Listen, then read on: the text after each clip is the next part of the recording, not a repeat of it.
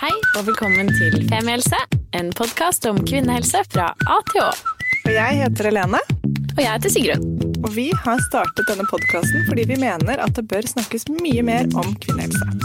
Så la oss snakke. Yo, people. What's up, homies? Jeg tenkte kanskje vi skulle ta det på engelsk i dag. ja, hele. For da kan vi kanskje nå ut til et litt større og mer internasjonalt publikum. Spesielt i Brooklyn. Endelig. I Brooklyn, der skal vi ut. I Brooklyn og i Queens. Yes. Jeg er fra Grorud, så det er jo eh, Jeg tenker hud er hud. Hud er hud. Når man snakker på en måte Ja. Snakker til de man kjenner. Em, apropos det man kjenner, eller tror man kjenner, er eh, syklusen sin. ja. Kort- kort. smooth overgang der, Sigrun. Ja, men den er jo ganske For veldig mange av oss, da. Så kommer den liksom i tur i orden måned etter måned, sånn cirka på samme tidspunkt. Ja, ikke for meg, da. Ikke for deg. Nei. Nei, men men du jeg- er jo et spesialtilfelle. Men for ok, si de, de aller fleste, da. Ja. Eh, og så er det mange av oss som har opplevd kanskje at eh, av og til så er det ikke helt som vanlig.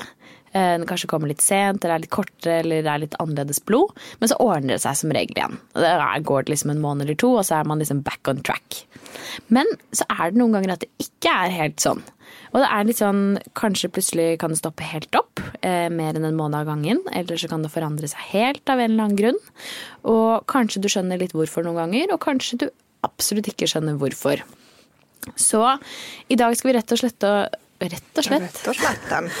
snakke om eh, mensen som ja, forsvinner, eller endrer seg, eller mensen gone wrong på en eller annen måte. Og eh, til å hjelpe oss, heldigvis, med å svare på disse spørsmålene, så er vi så heldige å ha Anne Marte Vårlund i studio. Velkommen tilbake til oss. Takk skal du Det ha. er veldig hyggelig å ha deg her. Hyggelig å være her. Og du er gynekolog, Ja. og så jobber du på fertilitetssenteret. Riktig. Riktig, ja takk. Gjetter seg sånn rolig. Akkurat det hadde jeg ikke tenkt gjennom før vi begynte. Du er gyneko. Fertig. Ja. Og det er veldig gøy, for uh, i går kveld så lagde jeg en story på dette på Instagram og sa at vi skulle snakke med deg om dette. Og var litt sånn, ja, hvis dere har noen spørsmål, så kan dere sende det til oss. Og det bare kom en sånn voff, ja, det rant inn. Det no, rant no inn. pen intended. bokstavelig talt. Og um, ja, det er jo litt gøy. Ja. Så vi skal begynne med noen, noen spørsmål som vi har funnet på sjøl, si Ja. sånn. Og så skal vi ta noen eh, lyttespørsmål etterpå. Ja, og jeg kan jo også si at da vi fant ut at vi, vi fikk en mail av en av dere som hadde så veldig lyst til å lage denne episoden her, og så var jeg litt sånn eh, jeg var litt i dårlig humør, tror jeg, så jeg svarte bare sånn Er ikke det PCOS, da? Er ikke det den eneste grunnen til at man ikke har liksom regelmessig mensen? Og så sa Sigrun nei, men kanskje det er liksom mer rundt det. Jeg bare nei. Men så begynte vi å etterforske litt selv og tenke litt selv, og da Det her er veldig spennende. Så dere burde egentlig takke meg for at vi tar denne Ja, episoden i takk dag. Sigrun, og ikke meg som var sur akkurat da, da, vi, fikk, da vi fikk forslaget. Men eh, når jeg gikk og tenkte på det på vei opp hit nå, at herregud, her er det mye å snakke om. Så eh, fordi hvis vi begynner helt på starten, da, så er det jo noen sånne spesialtilfeller eh, Anne Marte, eh, som er hvordan kan det ha seg at noen faktisk aldri får mensen? Eller kan det skje Kan i det det hele tatt? Ja, det kan skje, men det er ikke så veldig ofte. Det vanligste er jo at man får menstruasjon, altså får sin første menstruasjon, og så kanskje den uteblir over lengre eller korte perioder senere i livet. Men det fins en liten gruppe som, har, som faktisk aldri får mens. Eh, og det er ja, 0,3% av kvinner, så det er veldig sjeldent. Og da kan det være Det er mer genetisk, eller det kan være utviklingsavvik eller sånne ting. Men eh, man skal heller ikke se bort ifra at det kan ha å gjøre med vekt, for det er viktig i forhold til om man f.eks. har spiseforstyrrelser. Da kan det være at menstruasjonen aldri kommer ordentlig i gang. Ja. Og hvis man da er i en alder eh, La oss si at man er liksom over 20 og du aldri har hatt mensen. Da burde man gå og finne litt ut av det. Ja, man sier vel sånn generelt sett at hvis man ikke har fått menstruasjon innen man er 16 år, altså aldri fått menstruasjon, så eh, er det grunn til å gå til legen eh, og få det undersøkt og se det, hva det forårsakes av. Ofte så kan man finne en årsak som kanskje kan, eh, man kan gjøre noe med også, hvis det er undervekt eller hormonforstyrrelser og sånne ting. Men ja, etter 16 år så kan det være greit å ta, ta kontakt med legen. Jeg kan informere alle som lytter om min eh, første opplevelse med mensen. Da fikk jeg det første gang på konfirmasjonsleir, andre gang på konfirmasjonsdagen min, tredje gang da jeg var godt over 17. Så jeg hadde to sånne ganske tette på sånne gode anledninger i livet. Og jeg husker første gang jeg da fikk det var på konfirmasjonsleir, måtte låne nattbind fordi jeg blødde så kraftig. Og hadde så vondt. Det var eh, Stakkars. det, er en, det, er en, det, er en god, det er en god scene i en norsk film, tenker jeg. Men en forståelsesfull gjeng å få det med. Ja, veldig. Altså, det var det mye liksom- ja, nestekjærlighet og omtanke. Vi var jo oppe, oppe på leir da. Sånne kirkekjortler så du kunne legge trusa. Ikke noe problem. Ja. Så du kan få trusa mi, som de sa i Søndagsengler. Så veldig sånn, da. Ok. Så 0,3% ja det er jo ikke en stor gruppe, men det skjer. Det skjer, ja. Ja. Og resten av oss får jo, eller har fått mensen, eller skal få, på et eller annet tidspunkt. Hva er det vanligste tidspunktet å få det på? Og det, det går alltid Altså, det er lavere nå enn det det var før, men rundt 12-13 Er det års ikke alder det? er det vanligste. Ja. Mellom Mm. 13 og 16 ish? Ja, så sier man hvis man er 14 år, så er det de fleste har fått det, men det er helt lov å ikke få menstruasjon før man er 16 også. Så det er ganske stor spredning, og det kan ofte være litt eh, arvelig eh, betinget og sånt også. Ja. Jeg fikk det også da jeg var 16, så don't you feel alone Nei. hvis du er der. Ja, men apropos det med når man får mensen. Hvis man får det veldig tidlig, la oss si at du får det når du er 9-10, da. eh, Er det da sånn at man statistisk sett kommer tidligere i overgangsalderen også? Går man da liksom fortere tom for egg? Det er vel ikke sånn at man har klart å påvise det, men det er liksom en teori i forhold til det at det har noe å si når man hadde sin første menstruasjon i forhold til, til antallet egg man på en måte mister gjennom eh, sin fertile periode. Men eh, det er jo så forskjellig hvor mye egg man har også, sånn at det klarer man på en måte ikke helt å sette fingeren helt sikkert på. Nei. Skjønner. Ok, tilbake til da det jeg prøvde å begynne på i stad. Hvis man da har fått det, da, eh, til relativt normal tid, og så eh, har du det kanskje altså Det er jo ikke vanlig at det er så veldig regelmessig i starten. Kan ikke det vanligvis Det ta noen år? Ja, det er veldig vanlig at den er uregelmessig i starten. Ja, ikke sant. Så da regner man jo ikke egentlig det som, som at det er noe som at det er uregelmessig, men at det bare liksom bruker litt tid på å komme seg i gang. Ja. Um, men så føler du at du har kommet inn i en slags form for syklus, og så, så endrer det seg. Hva kan være grunnene til det? Og det er mange grunner til det, men jeg tenker det viktigste kanskje man skal tenke på når det gjelder syklus, det er jo at syklusen er jo et resultat av hvorvidt man har eggløsning eller ikke. Og det er ganske så vanlig at man kan ha enkelte sykluser hvor man ikke har en eggløsning, og det resulterer som regel i at syklusen blir uregelmessig også. Fordi eh, eggløsningstidspunktet, når egget slippes, det er da det på en måte er som en bryter som blir skrudd om, og så kommer det en menstruasjonsblødning da etter 14 dager. Det er på en måte ganske sånn det står veldig sånn spikret. Eh, og hvis man da har en syklus hvor man av en eller annen grunn ikke har hatt den eggløsningen ordentlig, og det kan være stress, det kan være stoffskifteproblemer, det kan være overvekt for så vidt, det kan være undervekt, det er mange årsaker til det. Eh, så, så kan det være at plutselig så ser man at syklusen hopper over en måned, eller at den plutselig kommer mye senere. Eller for så vidt kort, eh, tidligere også enn det man er vant til. Så det er ikke, noen stor grunn til engstelse hvis man ser at det hopper og spretter litt, men det kan jo være litt frustrerende, da. For det er jo greit å vite når menstruasjonen kommer. Så ikke noe blod uten eggløsning. Ja, man, kan få blø man får jo av og til blødninger også selv om man ikke har eggløsning, men da kommer de litt sånn veldig random, altså veldig tilfeldig. Så da har man kanskje en, det man kan kalle for en bortfallsblødning, bare at slimhinnen har fått bygge seg opp, og så lekker den litt av og til uten at eggløsningen har vært der. Men da er det ikke noe, det ikke noe regelmessighet i syklusen hvis du ikke har eggløsninger. Ok, Så du kan faktisk ha mensen, eller mensen og mensen, du kan ha blødning. blødning da, uten å ha hatt eggløsning. Det visste ikke jeg. Nei, ikke sant? Så litt sånn som hvis du skal jeg prøve? Hvis du går på p-piller, og det bygger seg opp inni der, men du har ikke eggløsning, og så til slutt så skvulper det over. Altså sånn, da, det i hvert fall var for meg. Jeg kunne hoppe over så og så mange måneder, og til slutt så begynte det å blø. Og det er det samme hvis du da ikke går på noe. Fordi nå, det må vi også egentlig si at nå tar vi utgangspunkt i menstruasjon uten at du går på hormonprevensjon. Da. Eller syklus. Så Ja, altså syklus uten prevensjon inni bildet her. Så hvis du da, det er litt det samme at hvis du da ikke har den eggløsningen, så kan det fortsatt blø bare fordi det blir eh, for mye. Altså, eh, Slimhinnen omdannes og lekker litt, kan man si, eller det blir en, en blødning som ikke er knyttet til akkurat eh, eggløsning. Men da er den ofte, som du sier, veldig uregelmessig. Det kan være at du går mange måneder, og så plutselig kommer det en liten blødning, og så kan det gå flere måneder igjen. og da tolker vi det som at det ikke er, en, er knyttet til eggløsningen, som egentlig er det som skal gjøre at den kommer da hver 28. dag eller 33. dag, eller i hvert fall at det er noenlunde regelmessig. regelmessig.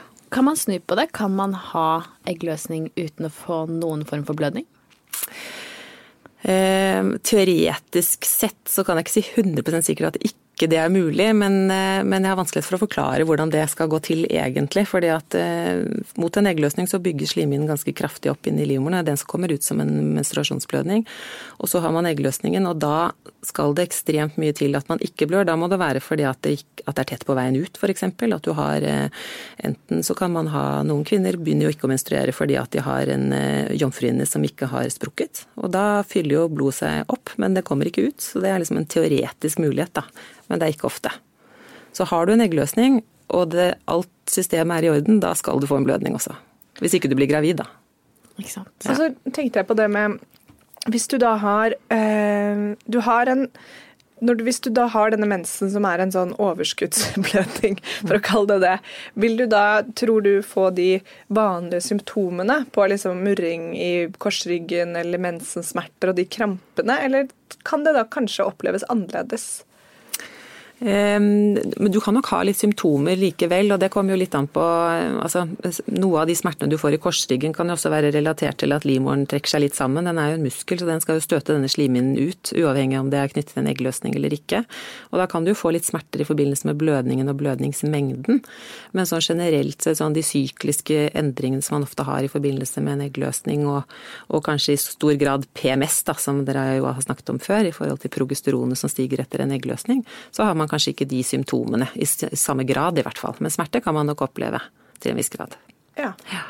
Så egentlig bare sånn jeg forstår det, at hvis du har en eller annen form for syklus, selv om den er uregelmessig, men den kommer, og det er du får en ordentlig menstruasjon, så har du eggløsning. Det må være noe form for regelmessighet i den. Du kan si altså, Vi tenker vel sånn generelt sett hvis syklusen din er over 40-50-60 dager, altså mellom menstruasjon til menstruasjon, da begynner vi å tenke at kanskje det er sånn at menstruasjonen ikke er et tegn på en tydelig eggløsning. Men hvis den er, si at den er 35, da, noen har jo litt lengre sykluser, men du vet at den kommer etter 35 dager, da tenker vi at ja, da har du nok hatt en eggløsning, men den har bare vært veldig sent i syklusen din da. Fordi sånn som PCOS kan på en måte kroppen da komme så nærme en eggløsning at kroppen tror at her har det vært en eggløsning, og så setter i gang menstruasjonen. At liksom egget ligger i den der eggcellene sine og bare ja, eggposene. Mm. Eh, du skal ha en ganske tydelig omslag i hormonene dine for at du skal få den der menstruasjonsblødning som er et resultat av en eggløsning. Så hvis det gjelder PCOS i forhold til, til veldig uregelmessig syklus og av og til en blødning, så, så, er det nok mer sannsynlig at det er en, det vi kaller for en bortfallsblødning, da, eller at det på en måte er slimhinnen som, som, fornyer seg, men ikke knyttet til en eggløsning. Mm. Og for de som lurer på hva PCOS er, så kan dere høre på episoden vår som heter PCOS. Ja. Um, hvis man har eh, enten en menstruasjon som plutselig forsvinner helt, eh, eller man har veldig lange sykluser, da, at man f.eks. opplever at man har mensen tre-fire ganger i året. Er det noe man kan gjøre med det for å få en mer regelmessig syklus? Eh, det er det, men der er liksom det første spørsmålet hvis man skal prøve å regulere syklus, er om man har et barneønske eller ikke. For det er klart at den enkleste måten å regulere en syklus på som er uregelmessig eh, hormonelt sett, for å sørge for at det er forutsigbart og man får de hormonene man kanskje trenger, det er jo å bruke p-piller. For unge kvinner i hvert fall, ikke sant. For eksempel. Eh, mens det er ikke så lett hvis du prøver å bli gravid, for da er det jo sånn at da trenger du, kan du ikke stå på p-piller for det hindrer eggløsningen din, men da finnes det andre preparater som man kan stå på for å normalisere syklusen og sørge for at du får eggløsninger hvis de uteblir. Men da må man ha hjelp av en, en gynekolog kanskje, da. Men der har jeg alltid lurt på en ting. Hvis man går på p-piller for å få en regelmessig mensen, mm. gjør man ikke bare altså er ikke Eneste grunn til at man gjør det, er vel for å få en oversikt over når mensen kommer? Mm, egentlig. Ja. Du kan si at hvis du har en syklus som ikke er til stede, altså hvis du ikke menstruerer i det hele tatt, og det er i mer enn et år at du uteblir at ikke du menstruerer, da tenker man at da bør man ha tilskudd av eh, østrogener. Altså, og det er jo for, for, å motvirke risiko for benskjørhet f.eks. Kvinner skal ha østrogener av mange grunner, men bl.a. det. Og hvis du da ikke menstruerer i det hele tatt, da ligger du generelt sett veldig lavt i hormonene dine. Og da kan det være hensiktsmessig å behandle på en eller annen måte. Men ellers så går jo det, hvis du har menstruasjon noen ganger i året, så er det ikke sånn at du må stå på et eller annet for å, for å på en måte behandle det. Eh, men hvis det er veldig langt mellom menstruasjonene, da har du kanskje ikke eggløsning, og da kan det være hensiktsmessig at man får tilskudd av østrogener. Ja. Ikke sant? For det skjer vel kanskje noe med hormonene i kroppen hvis man sjelden eller aldri menstruerer? Ja, du kan si at da ligger liksom kroppen Man tenker iallfall i de tilfellene det ikke er snakk om en eggløsning i det hele tatt, så ligger eh, de kvinnelige hormonene litt i dvale. Man ligger veldig lavt. Eh, egentlig så lavt som man kan gjøre østrogener hvis man, eh, hvis man er i overgangsalderen. Altså, nå snakker jeg bare østrogener. Og det er jo det man trenger tilskudd av. Og da trenger man, hvis man går lenge uten å menstruere, da bør man få tilskudd akkurat det. Så da bør man gå en tur til legen? rett og slett. Selv om det ikke er plagsomt, så er det jo kanskje fint å A, finne ut hva som er den underliggende årsaken, for det er vel som regel en årsak? Stort sett så kan vi finne en årsak, men det er ganske mange årsaker å velge mellom. Men det vanligste er at du har, kanskje ikke har eggløsning regelmessig. Og så skal det sies at det er vel nesten 10% av kvinner mellom 16 og 24 år de kan oppleve at menstruasjonen uteblir eh, på et eller annet tidspunkt eh, i livet, og at det kanskje kan være borte i opptil et år. Og det er i utgangspunktet ikke noe farlig i det. Men det er klart, det første man må gjøre er kanskje å sjekke at man ikke er gravid, for det er jo mange som glemmer i den situasjonen, kanskje. Man tenker at det bare er syklusen som er ute og sykler litt. Men hvis det er mer enn et år siden du menstruerte sist, da kan det være eh, greit å, å, ta en tur til legen og få det undersøkt. Men tre fjerdedeler av alle kvinner de får menstruasjonen tilbake i løpet av det første året. At de ser at nå kommer den i gang igjen. Mm. Ja. Kan du si noe om eh, hvorfor stress spesifikt kan være noe som kan påvirke syklusen? Det er et ganske vanskelig spørsmål, for ja. det er ganske innfløkt. Men det er eh, Man tenker at det har en eh, såkalt sentral påvirkning av eh, de hjernefunksjonene som gjør at, at man får denne sykliske, sykliske måte, endringen i hormonene sine. For det er jo noe som heter hypotalamus og noe som heter hypofysen som skal styre dette. Og hvis du er ekstremt stresset, så presser man gjerne hormonene, eller endrer hormonene i forhold til hvordan de fungerer når man er veldig stressa eller krigssituasjon eller eh, trener ekstremt mye. Sånn at man, eh, man, ikke får den samme hormonpåvirkningen som skal skje da. Mm. Uten å gå i detalj. Ofte det er snakk om en eller annen eh, krise på en eller annen måte. Altså hvis mm. man eh, merker en sånn, veldig sånn akutt endring. Altså, mm. At det kan være dødsfall eller at det har skjedd noe sånn, eh, Selvfølgelig at du har kjempestress på jobb eller opp mot en kjempestor konferanse. Altså sånn, mm, at kroppen er i litt sånn sjokkmodus. Mm. Det er jo litt fascinerende at den gjør det mot seg selv. Ja, jo, man, jo, man, skulle jo på en måte se for seg at det var en, bare en sånn underliggende system som liksom bare durte og gikk, men uh, glemmer liksom litt at det påvirkes. Hvis du er liksom sykt altså sånn på savanne, da, som er mitt klassiske der go to-eksempel, ja. og du bodde i hulene, og det plutselig var noe som skjedde i flokken hvor det bare ble veldig mye stress, da. Det er ikke da du skal bli gravid. Så kanskje kroppen er sånn Nei, du har spist litt lite, du har stressa litt mye. Jeg tenker at vi roer dette helt ned det er til du er liksom på et litt bedre sted. Kan det være det? Det blir jo litt som å sette kroppen litt på sparebluss. Ja. Man tenker jo liksom at det første den kanskje kan liksom sanere på, det er kanskje det å si at det har jeg ikke tid til, det vil jeg ikke på en måte mm. bruke energi på. Mm. Så man skal liksom tenke på det som en sånn liksom fysiologisk prosess. Og da, det rimer jo veldig godt med veldig mange av de situasjonene hvor man kanskje i hvert fall over tid mister menstruasjonen. Da. At mm. Eh, kroppen tenker at dette skal jeg ikke bruke tid på. Ja, også med tanke på sånn veldig lav kroppsvekt også. Mm. At uh, da sparer vi den. Mm. For det har jeg også hørt uh, snakket om flere ganger, spesielt sånn kjempeanoreksi f.eks., mm. hvor man da ja. Det er, det er jo et typisk tilfelle hvor man gjerne mister menstruasjonen. ikke sant? At, mm. man, at man er så undervektig at, man, at kroppen Da er jo kroppen ordentlig på sparebluss, og den velger bort den funksjonen, på en måte. Og det går jo på det samme stressystemet i kroppen. Eller hvis du går ned i vekt veldig raskt, f.eks. også. Kjempe går ned ti kilo i løpet av no time, så, så, er det også en måte kropp, for kroppen å liksom si at nå må jeg liksom holde igjen på det jeg kan, for nå er det fare på ferde. Ja. Mm. Så den er ganske lur egentlig, kroppen, da. Ja, ja. kan man si. Det er ganske spennende. Vi har fått inn veldig mye spørsmål. Eh, kanskje vi skal ta noen av de, Siggen? Ja. ja. Og, um, fordi dette er jo noe jeg også har uh, tenkt litt på. Dette med uh, hvor lang Eller hvor altså, Kan det være vanskeligere å bli gravid når man har en uregelmessig syklus? Eller hvis det går lang tid mellom hver gang man har mensen? Ja, altså Det man kan si er at utfordringen kommer da hvis man skal prøve å bli gravid med når har jeg egentlig eggløsning. Mm. For det er så veldig lett å forutsi hvis du har en helt regelmessig syklus. Da kan man egentlig bare telle seg 14 dager tilbake igjen fra når man pleier Altså har du 28 dagers syklus, trekke fra 14 dager, og så har du eggløsning på syklusdag 14. Mens hvis syklusen din hopper og spretter litt eller er veldig lenge, så er det veldig vanskelig å vite når skal man egentlig sette inn støtet. Må det ligge hele tiden. Ja, det er det. Man må egentlig bare ligge veldig mye. Ja, hele tiden. Ja. Annenhver dag. 365 dager i året. Litt slitsomt i lengden, det var det ja. mange som sier. Ikke sant. Men jeg har også hørt at det kan faktisk stimulere til eggløsning å ha veldig mye sex og være forelska. Ja, det håper jeg, men det ja. kan jeg ikke liksom si ja eller nei på. Det vet nei. jeg ikke. Nei, Ikke jeg heller. Ligg i vei. Ligg i vei. Ja. Riktig er så. Ja. Nei, det skjønner jeg at det, det blir jo da vanskeligere å regne seg fra, tilbake til når man faktisk kan bli gravid. Ja, eller i hvert fall å mm, ha oversikt det. over det, på en ja. måte. Men, men, det vil jo ikke si at ikke man kan bli gravid, men det kan være at man strever litt mer med å liksom treffe riktig, da. Mm. Mm.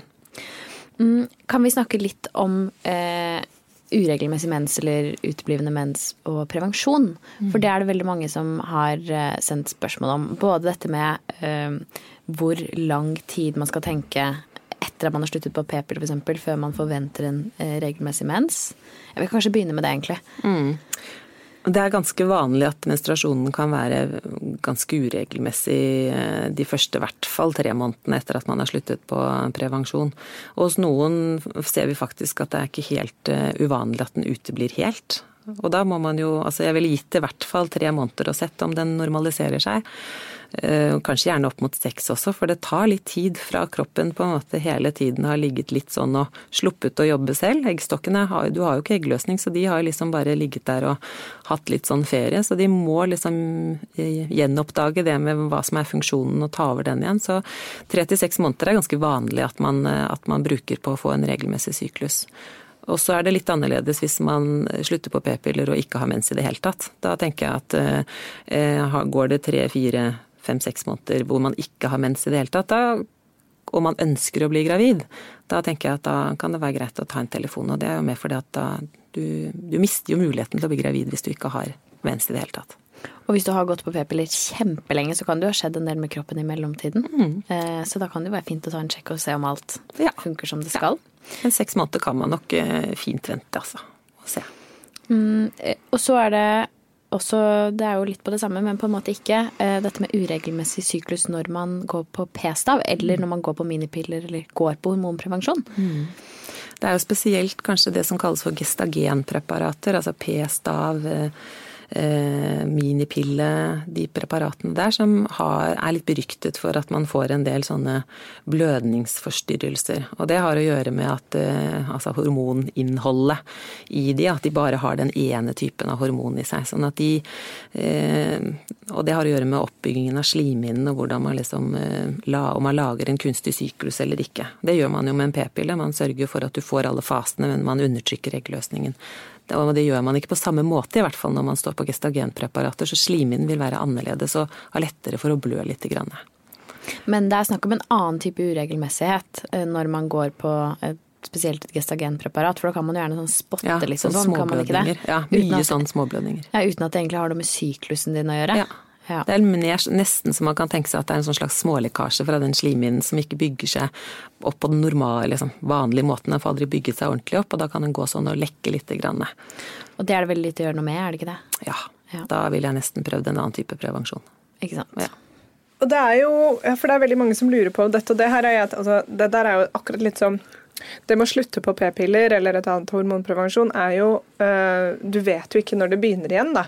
Så i forhold til det, eller med tanke på det med å bli gravid, så kan det jo skje plutselig. Mm. Og det er jo noen som slutter på torsdag, og så blir de gravid liksom tirsdagen etter. Mm. Uh, for det er jo når du har vært gravid, så, kan, så, vet du ikke egentlig helt når det første egget dropper. Det er liksom ja, mens du ammer, kanskje det tar lengre tid, men det vet man jo ikke helt. Og det er jo litt det samme at plutselig så er det jo bare i gang igjen. Um, men er det for det er mange som spør, veldig mange som lurer på dette med å Hva kan man gjøre selv da for å komme for å, Er det noe man kan gjøre selv etter at man har gått på hormonprevensjon for å prøve å få det liksom i gang? Er det noen, Kan du ta noen eggløsningspiller, eller er det noe annet man kan gjøre, eller må du bare vente? Jeg ville nok, hvis jeg skulle, altså I forhold til p-piller så ville jeg nok først bare ventet og sett. For det er jo utgangspunktet bare en ny sånn, hva skal man si Man skal liksom uh, innstille seg på et nytt sånt uh, vanlig baseline som skal, som skal ta over den uh, funksjonen med disse menstruasjonene. Men det er klart at ser man at, at menstruasjonen enten uteblir i lang tid eller den er uregelmessig, så finnes det jo Det er jo egentlig det viktigste, vite at det finnes god hjelp å få. Og ganske enkel hjelp å få også, hvis man ser at det ikke fungerer sånn som man vil. Så kan man få tabletter for å, for å stimulere til eggløsning og sånne ting. Men, men det i seg selv er også litt sånn arbeidsintensivt. Så det er alltid bra å vente og se om ikke kroppen ordner opp i det selv. Og det gjør den i veldig, veldig mange av tilfellene. Ja.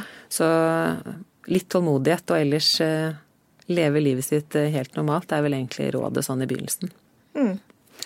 Og hvis eh, mensen har vært borte lenge, mm. eh, og da er det jo sikkert en spesiell grunn til det, men uavhengig av hva den er, kan det ha liksom en langsiktig påvirkning på fruktbarheten? Altså Hvis vi eh. snakker to til tre år, da, ja, Man tenker jo liksom at hvis man har en påviselig årsak til det, om det er hormonelt, at eh, man påviser at du har høyt eller lavt stoffskifte, eller at du ligger lavt i alle de hormonene som liksom skal stimulere til en syklus, så, så kan man jo som regel justere det og på en måte reparere det med hormonstimulering eller eh, tilskudd. Og da er det ikke sånn at man eh, det er ikke skadelig på en måte å ligge brakk i noen år, hvis man ser at, eh, at det kan justeres tilbake. Men er, i noen tilfeller så kan man f.eks. kanskje se at menstruasjonen uteblir fordi man har veldig lav eggstokkapasitet, og da kan det jo være vanskeligere å, å, gjøre noe med det. Men det er unntaket, da. Så det vanligste er at, eh, at det kommer fort back on track hvis du, hvis du får hjelp, da. Ikke sant. Mm. Det er jo veldig fint å vite for de som Fordi det, det er jo blitt en eh, liten eh, Jeg vil ikke kalle det en trend, men det er jo mange som snakker om dette med å eh, At hvordan mensen din er, er et symptom på liksom hvordan kroppen din egentlig har det. Litt som du sier med hormonbalanse og stoffskifte og stress og vektreduksjon og økning. Så det med en sånn en, en, prøve å finne en livsstil som er liksom snill mot seg selv, både når det gjelder kosthold og trening og stress, kan også kanskje være med å bidra til en at man får en normal syklus, med mindre man har PCOS eller noe annet mm. som er eh, feil. da. Mm. Det, det, er klart at Har man en uregelmessig syklus og man selv går og kjenner på at jeg er innmari stressa eller jeg har lagt på meg ti kilo de siste årene, eller altså at det er ting som du egentlig går og kjenner på at ikke er helt i orden, så, så er det klart at da er det en gyllen mulighet til å kanskje si at nå har man en ekstra gulrot til å ta fatt i det. Da. For det er klart at i noen situasjoner så er det jo nettopp eh, det ekstra stresset eller de ekstra kiloene som, som gjør at syklusen har blitt uregelmessig og som gjør, har en negativ innvirkning på eggløsning belastningen eh, eh, og syklusen din, da, ikke sant. Så, så, går man og kjenner på at det er et eller annet som har endret seg i det siste, så, man, eh, så er det ikke noe galt i å ta fatt i det. Det er vel bare bra. Og hvorfor er det slik at vektøkning kan påvirke menstruasjonen? Det har å gjøre med hormonspeilene igjen, og hvordan, hvordan, man ligger i de forskjellige hormonene som har innvirkning på syklus. Da, at det endrer seg. Så man mm. får en annen basal hormon skal man si, profil, da. Ja. Mm. Så det er ikke egentlig sånn at bare hvis man har Ehm, ti eh, kilo mer enn før, så betyr jo ikke det at man har uregelmessig menstruasjon. Men Nei. for noen så kan det være det, og hvis man ser det, så kan det være slik. Det kan være at det på en måte er For noen så kan det være akkurat de kiloene som gjør at man vipper over og ser at nå har jeg gått opp de kiloene, og plutselig så er syklusen min eh, uregelmessig. Da er det klart at da knytter man kanskje den sammenhengen, og da ser vi jo, og det er jo ganske morsomt at man ser at klarer man da å gå ned noen kilo igjen, så vips så er syklusen regelmessig igjen, og så har man liksom ordnet det selv, og det er, det, er det aller beste. Nei, jeg bare snakker på vegne, vegne av en venn av meg som heter Helene og har en podkast som heter Fremhelse, som har fått seg samboer, og som spiser så mye god mat. Koser seg. Koser meg. Men foreløpig er jo min menstruasjon mer regelmessig enn noensinne, så det er, kanskje det er det jeg trengte. Jeg var rett og slett for tynn. Du var litt undervektig. Ja. Mensen din liker litt mer mat. Mensen liker, mer, mensen liker pasta og vin. Sånn er det for meg. Vi har, ja, Sigrid. Ja, nei, det er også en del her som lurer på sånn eh, Hvor sen har mensen lov til å bli? Eller sånn, når bør man egentlig bli bekymret hvis den ikke dukker opp? Eh, tenker du i løpet av en syklus, eller? Mm, ja, nei, da er det kanskje mer at den blir borte, mm. borte en stund. Da. Eller hvor lenge skal den være borte før Det kommer litt an på hvor, eh, hvordan syklusen din har vært i utgangspunktet. Altså, hvis den har vært clockwork. Ja, hvis den har vært clockwork, så sier vi at hvis den plutselig er borte i tre til seks måneder, så kan man begynne å, å, lure litt. Mens hvis man har mye lengre sykluser, sånn at man er vant til at menstruasjonen kommer sånn to, tre, fire ganger i året eller sånt. Og da er det jo normalt at, man, at den gjerne kan være borte i hvert fall et år før man på en måte sier at dette er, dette er avvikende. Men hvis den plutselig blir borte, og du selv ikke skjønner noen grunn til hvorfor, da er det vel bare å ta en tur til legen, er det ikke det? Og uansett Ja. bare sjekke sånn Det kan jo være greit å sjekke, men Ja. Gravidtest da, igjen. Ja. Ja. ja. Ta en graviditetstest hvis du tror det kan være noen sjanse for det, Ja. eller ta den uansett. Og hvis ikke, så Og hvis ikke, så Er tenker jeg hvis den plutselig blir borte og er borte i tre måneder og man ikke har noe sånn at man har hatt ekstremt mye stress eller andre ting, så, så tenker jeg da ta en tur til fastlegen og så For det er jo litt rart. ja. rett og slett. Um, et spesifikt spørsmål. Eh, her er det en som har diabetes type 1 og har støtt og stadig hørt at det er vanlig å ha uregelmessig mens da. Men hvorfor? Ja, Det går vel på, uten at jeg er indremedisiner, så går det først og fremst på, på hvor godt regulert du er i, i din diabetes. Om du har, eh, om du har riktig dose med, med insulin, og at kroppen er eh, på en måte i, i balanse der. Eh, Så det går på mye av det samme som vi har snakket om før i forhold til stress og ekstra belastning. Så, så det henger i hop der også. Det er kroppens hormonbalanse, på en måte. Ja, så det er liksom at eh, altså, hvis du er ikke godt innstilt i diabetes, så har kroppen ganske mye annet som den må ta seg av først og, og streve med. Så det Kroppen, altså. Ja, her er et veldig finurlig spørsmål. Da vi fikk det inn, så ble jeg litt sånn hm, jeg hadde ikke tenkt på at, liksom, at Dette hadde jeg aldri tenkt på som en mulighet, men kan mensen påvirkes av hodeskader? Har du hørt noen gang det skje? Ja, det kan det faktisk. Og det har å gjøre, som vi så vidt var inne på, at, eh, at eh, syklusen styres jo faktisk fra, fra hjernen og fra, altså fra hypotalamus og fra hypofysen. Og hvis du, hjerne, hvis du har vært utsatt for en ulykke, eller du har vært gjennom hjernekirurgi eller stråling av hodet eller noe sånt nå, så er det klart at det er jo områder i hjernen som da kan, kan bli påvirket, og som gjør at altså du får hormonforstyrrelser, rett og slett, som forplanter seg i systemet og gjør at ikke syklusen din er normal. Så det, men det er ikke ofte vi ser det, eller det er ikke vanlig, men det er eh, absolutt en av de kjente årsakene. Og blir, kan den da bli eh, normal igjen når, når du blir frisk, da? Eller når, du liksom, når dette går over? Eller kan det da være sånn at du har problemer med det for livet? Det er sikkert veldig individuelt, da. Ja, det kommer jo helt an på skaden, tenker Ja. jeg. Sånn at hvis du har en skade som, som er permanent i de områdene, så vil nok syklusen endre seg for alltid. Men da er det jo sånn, heldigvis, i dagens medisin, så har vi jo disse preparatene lages jo kunstig, sånn at man kan tilføre de, sånn at man kan stimulere eggstokkene til, til å lage egg og sånne ting. Så man kan supplementere med det, da. Det er så fint. For vi fikk et spørsmål en annen gang, husker jeg, om en som lurte på hun hadde fått påvist en flekk på hypofysen. Og hun sa at det var sånn påvirkende, og lurte på Hun hadde kanskje ikke helt fått forklaring på hva det betydde. Vet du hva det er?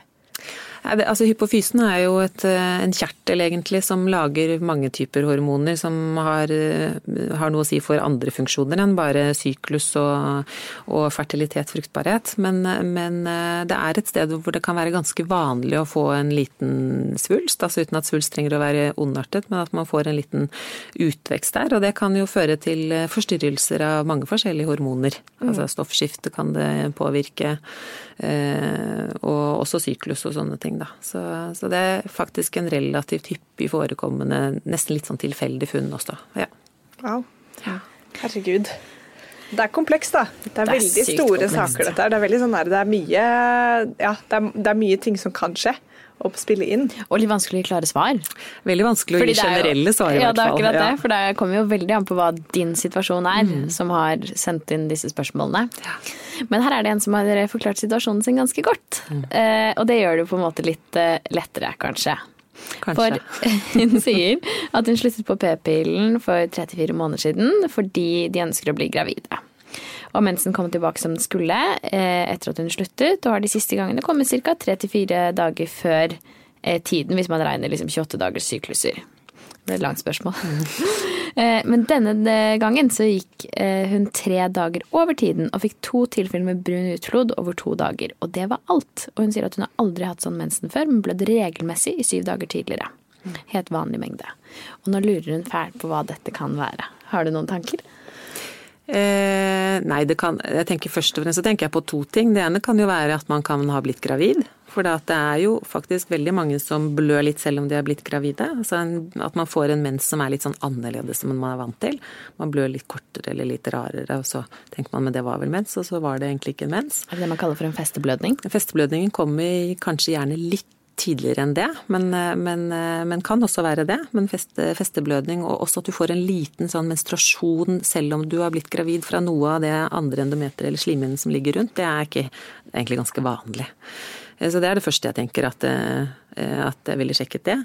Og så er det jo sånn at kvinner kan ofte ha som jeg sa innledningsvis, av og til en syklus som ikke liksom fører til noen sånn ordentlig eggløsning. Og da kan plutselig den blødningen du får Eh, da komme på et litt rart tidspunkt eller være litt annerledes enn det man er vant til. Og da ville ikke jeg bekymret meg så veldig mye og, eh, og bare tenkt at eh, jeg venter til neste syklus og så ser jeg om ikke det er bedre enn det. For det normaliserer seg som regel ganske, ganske raskt igjen, sånne ting. Ja. Ikke sant. Og så, Jeg har i hvert fall bare et siste spørsmål. Jeg vet ikke med deg, Helene. Nei, det synes jeg. Um, men ofte når det er snakk om liksom uregelmessig mens og syklus, så uh, snakker vi jo litt sånn om spotting. Og liksom sånn litt blodbære. Men hva er altså, vi, Jeg tror vi bare må oppklare det. Hva er egentlig spotting? Spotting er jo, det er jo egentlig en sånn liksom beskrivende eh, terminologi. Da, at man sier at eh, du spotter litt, det går kommer og det blir noen sånne små flekker liksom, i, i trusen eller truseinnlegget hele tiden. Og det kan jo egentlig være mange årsaker til det. Men, men eh, noen går og blør eh, lenge før eggløsning, altså før man får menstruasjon, egentlig nesten fra eggløsning og til man får menstruasjon. og bitte lite grann, og det, Grunnen til at det blir brunt, er jo bare at det er så lite blod at det kommer ikke ut før det er levret. så Derfor så ser det veldig sånn brunt og sort ut, og så er det bitte lite. Men det kan være både at du ikke har eggløsning, eller at du har veldig tykk og fin slimhinne etter en eggløsning som gjør at du spotter. Eh, og så kan man jo spotte fra livmorhalsen også, at man blør litt i forbindelse med at man har en lettblødende livmortapp f.eks. Sånn at spotting betyr jo egentlig ikke så mye mer enn at det kommer litt blod eh, på et tidspunkt hvor man egentlig tenker at det ikke skulle komme.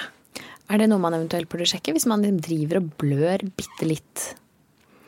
Ja, det er veldig ofte, plagsomt òg. Så jeg tenker at hvis det liksom er noe som er sånn Hvis du plutselig begynner med det, da. At ja. du ikke har spottet noe før. Så plutselig er det sånn jo, du har vanlig mensen, men så også blør du bitte litt innimellom. Mm. Da ville jeg gitt det litt tid, og så ville jeg, og så ville jeg nok, hvis det liksom vedvarte, kanskje godt også sjekke det. Og det, og da tenker jeg kanskje mer på i forhold til hvis det er lenge siden man har tatt en celleprøve, f.eks. At man kan gå og få sjekket det. At, at det, spotter man over lang tid og man tenker at det er noen år siden sist man har tatt en celleprøve, så er det greit å få gjort det bare for å se er det der jeg blør fra, eller kommer det fra livmoren. Så bra. Så bra. Jeg følte vi hadde hatt litt sånn mensenspørsmåls-Klara ja. Kloke på der. ja, virkelig. det er veldig gøy de gangene vi har veldig mange spørsmål fra dere, for det blir litt annerledes. Ja, helt enig. Og så tror jeg det er veldig mange som Det kan føles som veldig sånn spesifikke spørsmål, men så tror jeg det er mange som sikkert kjenner seg igjen i Det er jo mange av dere der ute. Hei, hei. hei.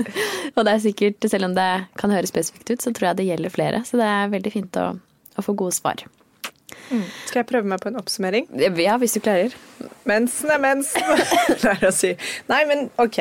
Så um, en av de vanligste årsakene til uh, uregelmessig menstruasjon er jo det som heter PCOS. Eh, PCOS. Så Da må dere høre på denne episoden, da får dere vite litt mer om hva det er. Men eh, mensen kan også bestemme seg for å bli eh, litt borte eh, hvis man f.eks. er veldig stresset, går ned eller opp i vekt veldig fort. Eller får en eller annen form for skade på hodet, men det er jo veldig veldig sjelden. Eller hvis det skjer noe heftig i livet ditt. Det skjer noe heftig i livet. Et eller annet som gjør at du liksom går litt i sånn sjokk, eh, sjokkmodus på en eller annen måte. Og det er helt vanlig. Og eh, man trenger ikke nødvendigvis, hvis man ikke føler veldig for det, å gå og sjekke det opp eller ta tak i det før det har gått sånn tre til seks måneder. Men når det har gått tre til seks måneder, da burde man gå og ta en prat med gynekolog eller lege for å finne ut av det. Og så Sjekk om kroppen justerer seg sjæl først. Ikke sant? Og ofte gjør den det. Og etter eh, at man har gått på hormonprevensjon, eh, så kan det ta opptil et år før man kommer tilbake i syklus, og det er også helt vanlig. Det kan jeg skrive under på selv, i hvert fall, at sånn er det. Det tar litt tid før liksom, kroppen våkner ordentlig til live. Um, ja, var det noe Jeg vet ikke om jeg har sikkert glemt Jeg føler egentlig hele episoden er en sånn oppsummeringsepisode. Ja, og hvis man eh, sliter med hva er det, fraværende menstruasjon over lang tid, mm. eller veldig uregelmessig syklus, og du har eh, lyst på barn, mm. så er det hjelp å få for de aller fleste. Absolutt. Ja, både eh, for å sjekke hva som eventuelt er årsaken, men også for å få satt i gang gode eggløsninger og gode sykluser. Så eh, ja, Ja, og det, eh, og det, er egentlig også veldig viktig at man finner en gynekolog man føler at man eh, kan snakke godt med, og som forstår liksom hvor man kommer fra og, og hva man ønsker å oppnå. Mm. Så det er jo ikke nødvendig å gå på p-piller for å få en regelmessig menstruasjon hvis du ikke har noen problemer med at du ikke vet når du har eggløsning eller menstruasjon. Men hvis det er viktig for deg, så kan det være et alternativ. Um, og så kan det være fint å ta liksom en vurdering av livet sitt. Hvordan har jeg det? Hvordan lever jeg? Er det noe jeg selv kan gjøre for å liksom stabilisere meg? da? Og kanskje det hjelper, kanskje ikke. Men egentlig så er jo bunn og grunn her at det ikke er så veldig farlig å ha uregelmessig menstruasjon med mindre du prøver å bli gravid. Ja, det er jeg enig i. Og så er det vel eh, i de aller, aller, fleste tilfeller så er det jo uregelmessig menstruasjon kan være plagsomt, men det er ikke farlig. Og så ordner det seg for de fleste etter hvert. Enten med eller uten hjelp av en gynekolog, så, så, får man den hjelpen man trenger. Det er kanskje viktig å påpeke at hvis du går lang tid uten å menstruere i det hele tatt, altså mer enn et år hvor du ikke menstruerer i det hele tatt, da eh, er vel det den settingen hvor du bør ha en eller annen type behandling. Da. At man tar kontakt, og så kan man diskutere litt hva som er mulighetene da. Ja. Mm. Om du eventuelt trenger noe østrogentilskudd. Mm. Kult. Så bra. Veldig bra. Um, vi har jo også laget en episode om mensen. Ja. Eh, hvis du vil høre the basics om hvordan det funker, hva vi egentlig mener når vi sier endometrie, og hvorfor eggløsning og mensen henger såpass tett sammen. Så eh, hvis du vil dykke, dykke dypt ned i mensen, så kan det være lurt å begynne der. Ja, Eller ja. den som heter egg og eggstokker. Ja. For eksempel. Nevner i fleng. Vi nevner i fleng. Hør på poden vår, da, vær så snill! Um, det var vel egentlig det. Ja. Var vi, da var vi gjennom en oppsummering. Det er sånn stort tema. Ja, veldig. Ja, det, ja. Jeg trodde vi, måte, det var smalt og konkret, og så begynner vi her, og så liksom bare vokser det ut av proporsjoner. Men veldig spennende, egentlig, fordi det er så lite kontrollerbart. Og fordi det er sånn Det er veldig mye av det vi ikke kan gjøre noe med selv, mm. mm. sånn i utgangspunktet. Mm. Ja. Men kroppen er ganske kul. Veldig kul. Som beskytter seg mot seg selv og Ja. Den passer dealer. På, passer på. Den passer på. Tusen takk, Anne Marte. Tusen takk. Du er veldig klok. Uh, god til å svare på alle typer spørsmål. Håper noen hadde i hvert fall noe igjen for svarene mine. Ja, det, det håper vi også. Gjerne send oss en melding når du har hørt på episoden, og si hva du syns. Veldig gjerne det. Takk for at du hørte på. Takk skal du ha. Vi snakkes. Ha det. Tusen takk for at du hørte på podkasten vår. Selv om det forhåpentligvis kommer tydelig frem, så vil vi understreke at vi ikke er helsepersonell. Ja, så Som vanlig, kontakt legen din om du har noen spørsmål, eller om du skal begynne på noen form for behandling. Og har du et tema som du har lyst til at vi skal snakke om, eller noe ris eller ros, så send oss gjerne en melding på Facebook eller på Instagram. Der finner du oss under Femihelse. Mm. Og du kan gjerne rate oss på iTunes, det er skikkelig hyggelig for oss. Ha en fin dag. Ha en kjempefin dag.